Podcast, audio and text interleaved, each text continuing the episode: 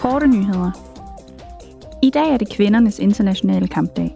Dette års tema er at omfavne retfærdighed, og målet er at få i talesat, hvorfor lige muligheder ikke er nok. Retfærdighed og ligestilling er nemlig ikke det samme, og forskellen på de to er afgørende. I 2023 fokuserer Europaparlamentet på kønsaspektet ved energifattigdom.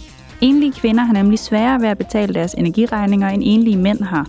Dette skyldes ofte kvinders lavere gennemsnitsindkomster og en højere forekomst af lavt lønnede deltidsansatte eller usikre ansættelsesforhold.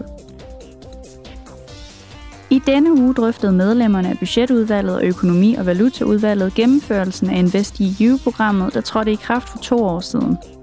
Udvalgsmedlemmerne mødtes mandag med kommissær med ansvar for budget og administration Johannes Hahn og kommissær med ansvar for økonomi Paolo Gentiloni.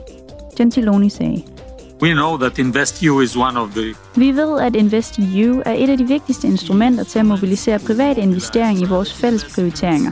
Fra den grønne og den digitale omstilling til den finansielle støtte til små og mellemstore virksomheder, der bestræber sig på at opnå bæredygtig og inkluderende vækst. Kriterierne for at være berettiget til at modtage støtte gennem InvestEU er bredt favnende, så programmet kan også spille en afgørende rolle i forbindelse med at underbygge EU's førerposition inden for produktionen af ren teknologi.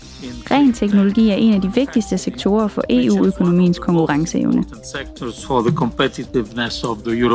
economy.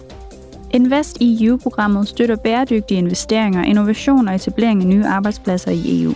Programmet samler den europæiske fond for strategiske investeringer og 13 andre af EU's finansielle instrumenter under et tag.